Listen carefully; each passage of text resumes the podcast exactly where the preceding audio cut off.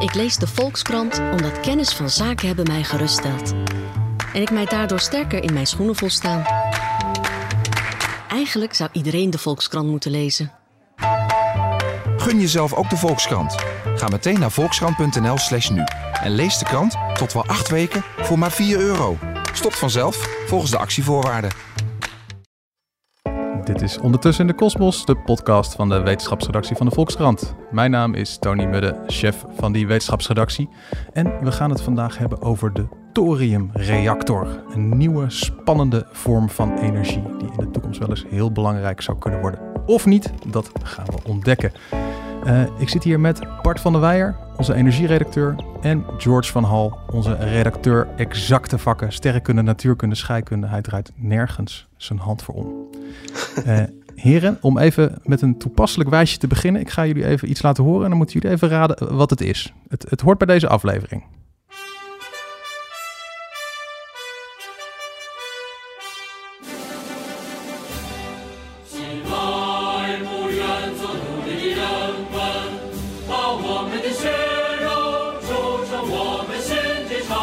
Gokje Bart, waar luisteren we hier naar? Dit was de uh, big band van het Russische leger bij de opening van de Chernobyl-reactor in uh, 1979. wat denk jij, George? Nou, ik vind dat eigenlijk best wel een mooie gok. Ja, ik kreeg er ook stevige Sovjet-Unie-associaties bij, uh, moet ik zeggen. Nou, communistisch is het zeker. Het is namelijk het Chinese volkslied. Want uh, China, die maakte onlangs bekend... wij gaan een thoriumreactor bouwen. En, maar toen dacht ik, spannend, maar wat is het eigenlijk? Bart, help ons. Wat is een thoriumreactor? Jij hebt je er helemaal in verdiept. Nou, een, een, een thoriumreactor, dat is uh, in energietermen gratis bier voor iedereen. Het is een oneindige energiebron, uh, uh, veilig, CO2-vrij, nou ja, ruim voorradig in allemaal landen waar we geen ruzie mee hebben, zoals de Verenigde Staten en Australië. Um, het, het, het, levert minder radioactief afval op. En het afval dat het oplevert is na 300 jaar eigenlijk zo goed als onschadelijk. Dat is natuurlijk een heel groot voordeel ten opzichte van huidige kerncentrales. Want dan is het afval soms wel, uh, nou, ruim 200.000 jaar ligt dat, uh, ligt dat nog te stralen. Mm -hmm. um, dus nou, het, het, het, het, het is een hele veelbelovende technologie. Um, dus als we dat werkend krijgen, dan, uh, dan zijn een hoop van onze problemen opgelost. Als het om energie gaat in ieder geval.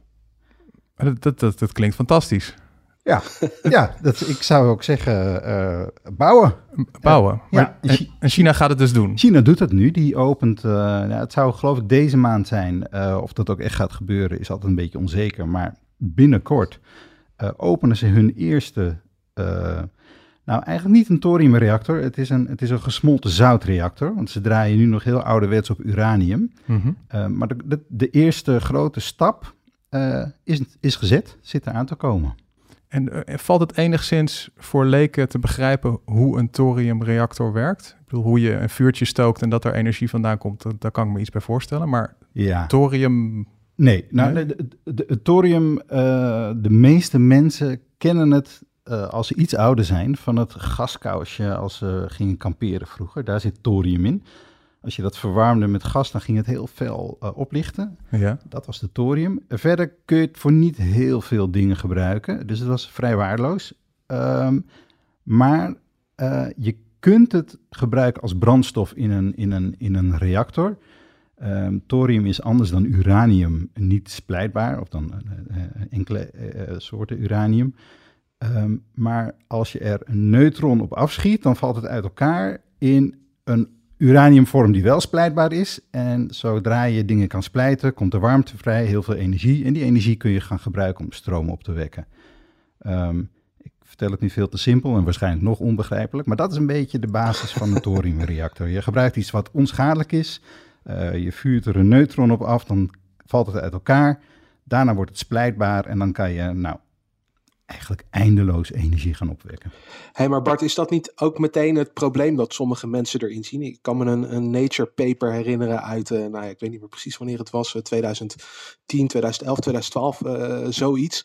Waarin uh, een aantal natuurkundigen zich zorgen maakten dat je op precies deze manier dus ook gewoon weer um, uranium hebt om kernbommen mee te maken. Het enige wat je nodig hebt is een bron om wat deeltjes op die thorium af te vuren. Je hebt het verrijkt en je kunt er vervolgens vervolgens toch weer bommen mee gaan maken. Ja, dat klopt volgens mij ook. Als je, je moet iets, iets meer je best doen bij, bij een gewone lichtwaterreactor. Maar je kunt, als je kwaad wil, kun je er, kun je, kun je er, kun je er ook bommen van maken.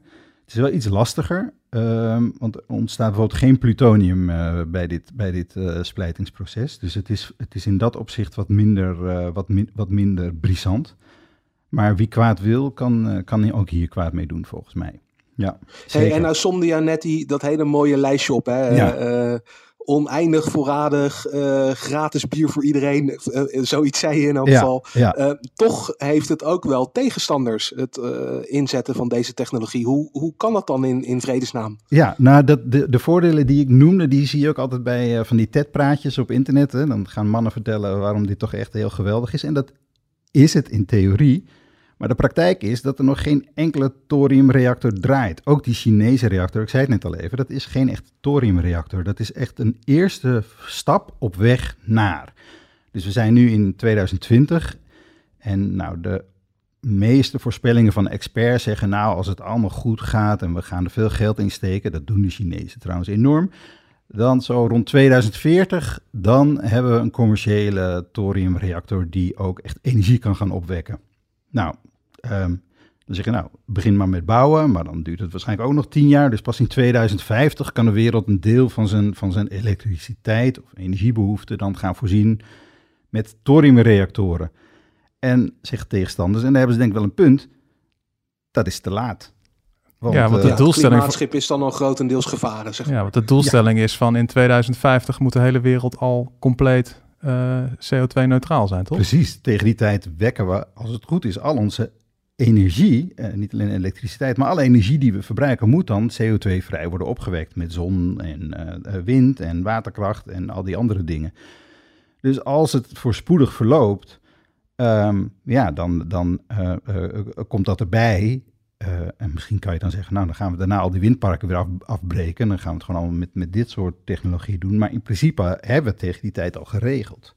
Dus het is... Ja. Nou, als er dus een land, want er is binnenkort een, uh, weer zo'n belangrijke klimaattop. Hè. Je had ooit de klimaattop van Parijs. Uh, er komt uh, begin november de klimaattop van Glasgow. Komen mm alle landen weer bij elkaar. En dan moeten ze eigenlijk ja, plannen voor de komende negen jaar gaan maken. Van ja, dan moeten we drastisch minder CO2 gaan uitstoten. Want anders dan gaat die aarde onherroepelijk meer dan anderhalf graad opwarmen met alle ellende die daarbij hoort. Als daar landen zitten die zeggen van, ja nee joh, we ontwikkelen nog wel ergens een thoriumreactor de komende tijd, komt allemaal goed. Dat, dat moeten we dus met een korreltje. Dan zou er sardonisch gelach moeten klinken onder, eh, in de zaal met politici. Want dan gaan we gewoon niet redden. Maar het is wel zo dat China bemoeit zich ermee. En vaak is het zo, als China zich ergens echt uh, druk over maakt, dan lukt het meestal wel. Want ze hebben tien jaar geleden gezegd: we willen in 2020 willen we de eerste uh, gesmolten zoutreactor hebben. Uh, die, die, dat is zeg maar het type waar, waar, waar je thoriumreactoren mee moet maken. Nou, dat lijkt dus te lukken. Ehm, ze hebben heel veel geld, heel veel onderzoek ingestoken. En experts zeggen wat zij heel goed doen, is dat ze ook meteen aan het opschalen zijn om het op industriële schaal te kunnen gaan uitvoeren.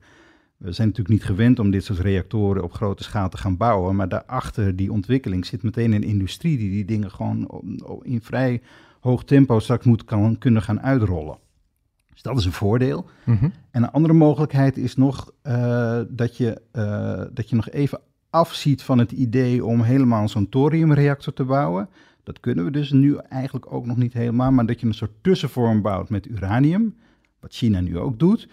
Uh, en dan, dan hou je weliswaar, heb je niet al die voordelen die thorium biedt, maar je hebt wel dat je het proces onder de knie kunt krijgen. En het radioactieve afval dat die reactor genereert, kun je in een later stadium, als je de technologie wel beheerst, kun je dat nog een keer opnieuw opstoken. Uh, dan gebruik je en de energie en je bent af van dat afvalprobleem. Dus zegt, zeggen sommige voorstanders, begin nu gewoon hiermee, ga dat vast uitrollen. Dat kan over een jaar of tien wel. En dan gaan we over 20, 30 jaar, als we die technologie echt onder de knie hebben, gaan we ook die afvalstroom gaan we dan weer opstoken in de werkende thoriumreactoren. Nou, klinkt goed. Dus het is, het is te laat, maar met een beetje geluk zijn we toch ook nog wel weer een beetje op tijd. Wat ik zo opmerkelijk vind, want ik, ik zat natuurlijk uh, voor deze opname even te googlen op, uh, op thoriumreactor. En toen vond ik dus een, een, een, een, een wat ouder filmpje van wetenschappers die er ook al mee bezig waren. En dan kan je alleen maar aan het geluid kan je wel horen dat het behoorlijk oud is. Mogen jullie gaan raden hoe oud het was?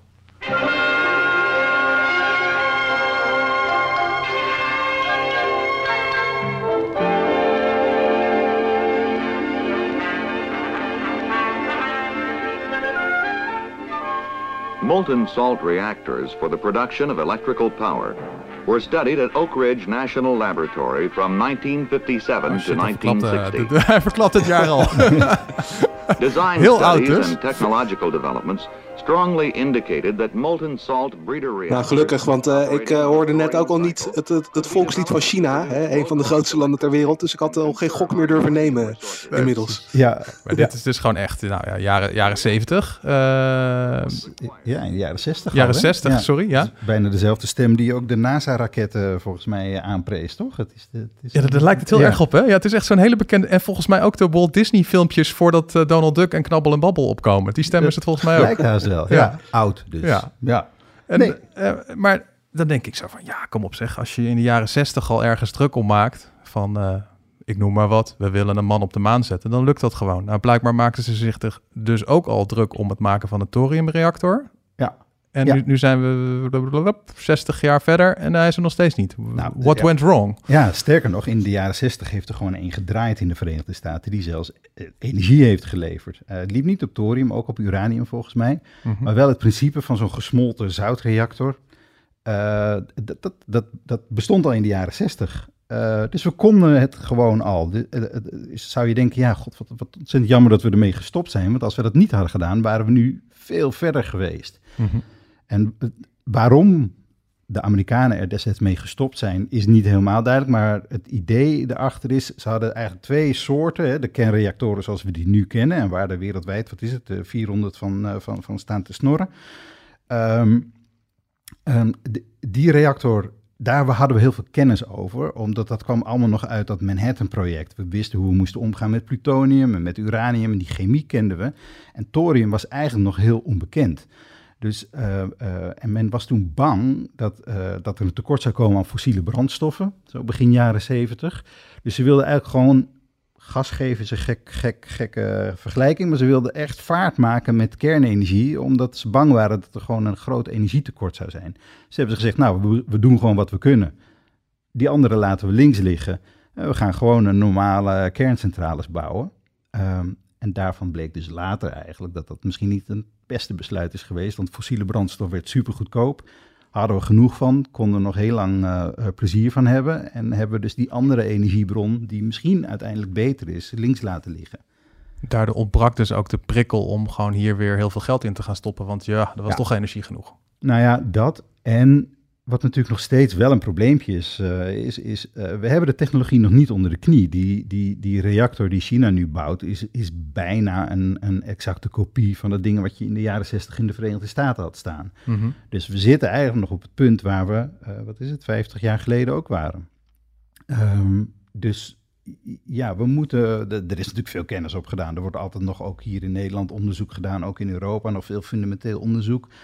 Uh, dus we weten in principe wel wat er moet gebeuren, maar heel veel kunnen we nog niet. En twee belangrijke dingen is inderdaad het materiaal wat gebruikt wordt. Kan dat lang genoeg, al die straling, al die hitte, al dat zout weerstaan? En de andere tak, wat we nog niet goed weten, is dat je eigenlijk als je thorium gaat oplossen in zout en daar een reactor omheen bouwt, dan wil je eigenlijk ook, terwijl het proces loopt, wil je dat zout kunnen opschonen. Dus je wil de, de, de, de, de, de, het afval wil je eruit kunnen halen, een nieuwe brandstof wil je kunnen toevoegen terwijl die reactor blijft draaien. Dat is het ideaal. En die technologie, die hebben we ook nog niet onder de knie. Dus vandaar ook dat het nog wel, nou ja, zeker een jaar of twintig zal duren voordat het, voordat het goed gaat werken. Hey, en stel nou dat we in het verleden uh, wel goed voorgesorteerd hadden en we hadden nu uh, in onze huidige mix van mogelijkheden ook die thoriumcentrales gehad. Ik, ik eh, begrijp, het is beter dan uh, fossiele brandstoffen gebruiken. Het is ook beter dan kerncentrales, reguliere kerncentrales inzetten. Maar is het ook beter dan zonne-energie en windenergie? Ja, dat, is, dat, dat weten we eigenlijk niet. Maar stel dat we ze nu zouden hebben, dan weten we eigenlijk nog steeds niet of die technologie prijstechnisch, wat een naar woord, of het, of het gewoon niet te duur is. Of het kan concurreren met wind en zon. Wind en zon zijn natuurlijk ontzettend goedkoop geworden de afgelopen tien jaar, wordt alleen nog maar goedkoper. Het probleem is hè, de opslag. Waar, uh, waar, laten we de, waar laten we de energie om ook in de winter genoeg uh, stroom te hebben? Dat is een probleem dat we nog moeten oplossen. Maar ook accutechnologie en andere technologieën om energie langer te kunnen bewaren, die zullen ook goedkoper worden. Die worden al veel goedkoper. Dus het is een beetje de vraag of het, of het, of het wel kan concurreren met wat we nu aan het optuigen zijn om juist tot die CO2-vrije energie-economie te kunnen komen. Dus Um, nou, dat is ook nog een onzekere factor. En het lijkt mij ook, ik bedoel, uh, het, ja, het thorium, het is toch een, een soort van kernenergie. Ja, en, en bij kernenergie, nou, denkt iedereen ook meteen aan uh, dit soort dingen.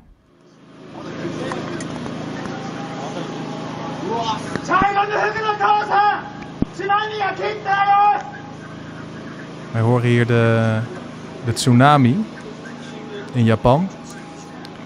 Wat het begin was natuurlijk van uh, de kerncentrale. Die daar een meltdown had. Uh, nou ja, daar hebben de landen op gereageerd. Ik bedoel, Duitsland heeft zijn, uh, zijn kerncentrales uitgezet. Onder het motto van dit, dit is toch wel heel link.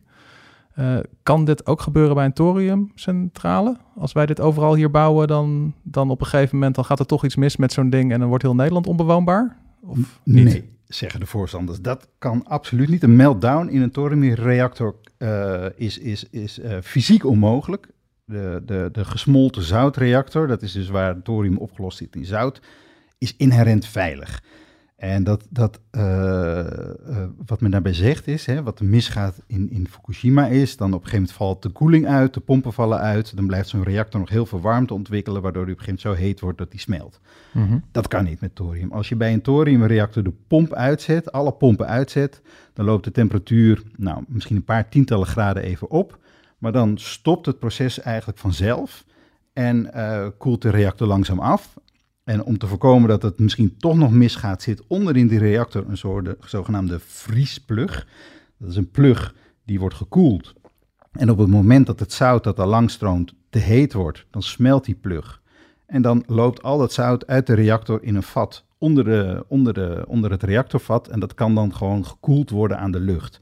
Dus er zijn allemaal systemen ingebouwd waardoor het, als het helemaal misgaat, toch niet zo ontzettend mis kan gaan. Dus als zelfs de grootste dombo daar achter de knoppen zit en alle knoppen verkeerd indrukt, dan nog kan er, kan er niet uh, een enorme ontploffing komen en het gebied onbewoonbaar worden. Kan er geen meltdown ontstaan. Okay. Maar, zegt tegenstanders, uh, leuk. Um, jullie zeiden ook dat kernenergie veilig was. En nou, je ziet Fukushima, ja. uh, Chernobyl, Harrisburg. We hebben toch al een paar van dit soort forse ongelukken gehad in het verleden. Dus nou, hoe, wie weet uh, gaat het hier ook wel een keer mis? Dat weet je alleen pas als je het echt in de praktijk test. En dat ja. hebben we nog nooit gedaan. Ja, we hebben, het is duidelijk, ja, het is een techniek met uh, potentieel enorme voordelen, maar we moeten nog maar zien of het allemaal lukt. Uh, zijn er misschien nog hele andere superenergietechnieken op de tekentafel? Ik weet dat jij ook al eens, George, iets hebt geschreven over kernfusie. Wat is dat ja, ook alweer? Ja, tuurlijk. Ja, kernfusie. Ja. Kijk, het, het, eigenlijk het grappige van al dit soort technologieën is dat uh, ze gewoon een gigantisch lange ontwikkelingstijd hebben. Dus uh, ook als je de toekomstvoorspellers vraagt naar kernfusie, dan rolt ook 2050 een beetje uit de, uit de hoge hoed.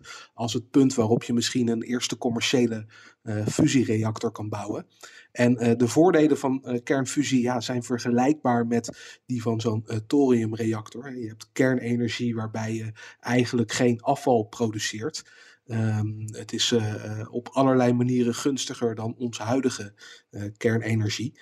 Um, ja, dat zou een hele mooie technologie zijn. En daarvan staat ook al een gigantische proefreactor. Althans, die wordt op dit moment in elkaar gezet. ITER in, in Frankrijk, dat is, dat is de grootste. En er zijn nog wat kleinere kernfusie-experimenten. in Engeland staat bijvoorbeeld JET. en zo zijn er nog een paar.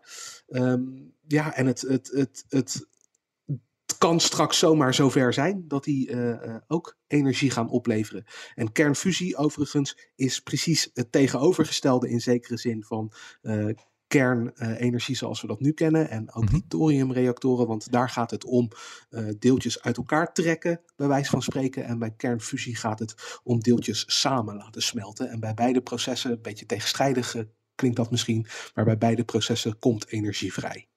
En bij kernfusie is toch als- alsof je de zon een beetje nabootst op aarde, toch? Het principe Ja. van de zon. Ja, ja het is eh, eh, afgekeken van de zon inderdaad. Het is eh, precies de manier waarop el- elke zonnestraal die je overdag voelt op je wang is, is opgewekt met kernfusie. Dat vind ik toch altijd ergens wel een mooie gedachte. Dat je dat gewoon zou kunnen namaken op de aarde. En dat het dan ook gewoon de wereld van energie kan voorzien. Maar voorlopig dus ook nog toekomstmuziek en helemaal is- experimenteel. Is technologisch ook waanzinnig complex, want nou ja, je kunt je al voorstellen, hè, de zon is ook een enorm heet ding. Eh, nou ja, eh, de plasma's die eh, je moet opwekken voor dit soort kernfusie, dat zijn ook hele hete materialen. En dan moet je ervoor zorgen dat die niet op de wanden van je kernreactor botsen, want dan, ja, dan lost dat spul misschien weer op. Dus dat moet je dan met allerlei elektromagnetische velden in bedwang houden. Nou ja, er zitten allerlei technologische uitdagingen en haken en ogen aan. Maar eh heren, om even tot de slotsom te komen. eh, er zijn dus allerlei innovatieve energietechnieken op de tekentafel. En die zijn ze al aan het bouwen en daar zijn ze al experimenten mee aan het doen. Maar eigenlijk voor het bezweren van de klimaatcrisis, die doelstelling van ja, het moet echt niet warmer worden dan anderhalve graad, want anders dan gaat er van alles mis. Van extreem weer tot mislukte oogsten, klimaatvluchtelingen, noem maar op. De zeespiegel die stijgt. Eh, daarbij gaan die technieken niet helpen. Dus we kunnen ons er eigenlijk niet meer uit innoveren met nieuwe technieken. We moeten het gewoon met de bestaande dingen doen, of niet? Ja, eh, maar nou, misschien ook niet helemaal. Want het kan natuurlijk wel zijn dat er zomaar ergens in een laboratoriumpje iets wordt ontwikkeld waarvan we nu nog niet overzien hoe snel dat wel op te schalen is. Opschalen is geloof ik de kern bij, eh, bij eh, de energietransitie. Je moet snel iets kunnen uitbouwen en vergroten. Mhm. Ja, ik denk kernfusie dat dat niet gaat lukken. De, de, de, de thoriumreactor ook niet. Maar goed, het kan natuurlijk zijn dat er ergens anders iets wordt bedacht wat wel eh, effectief en snel is. Maar dat, dat, dat hebben we nog niet direct zicht op dat dat gaat gebeuren. Ja, en het ligt natuurlijk ook niet echt voor de hand, want tot nu toe is voor elke technologie die eh, ergens in een lab verschijnt, kost dat opschalen gewoon tientallen jaren en waanzinnige hoeveelheden eh, geld moet er ingestoken worden voordat de energieprijs van, van zo'n technologie een beetje eh, ja, behapbaar wordt voor, eh, voor gewone consumenten. Ehm, ja, ik, ik ben eigenlijk bang dat je wel echt een soort wondertechnologie tevoorschijn moet toveren, wil je die wetmatigheid een beetje kunnen doorbreken. Oké, dus eh, voor, voor eh, onze kleinkinderen, mochten die ooit komen, dan is het eh, wellicht een, een, thoriumreactor. Maar tot die tijd eh, windmolens in de achtertuin en zonnepanelen op de daken tot in den oneindigheid. Ja, of toch een paar kerncentrales neerzetten. Ja, Maar dat is ook al hele ouderwetse technologie natuurlijk. Dit was Ondertussen in de Kosmos voor deze keer de wetenschapspodcast van de Volkskrant. Grote dank aan mijn gasten Bart van der Weijer en George van Hal. Ook dank aan ons podcastteam achter schermen Corinne van Duin en Daan Hofstee. Wil je de volgende aflevering van Ondertussen in de Kosmos niet missen? Abonneer je dan op je favoriete podcast-app op Ondertussen in de Kosmos. Mijn naam is Tony Mudde. Graag tot de volgende keer.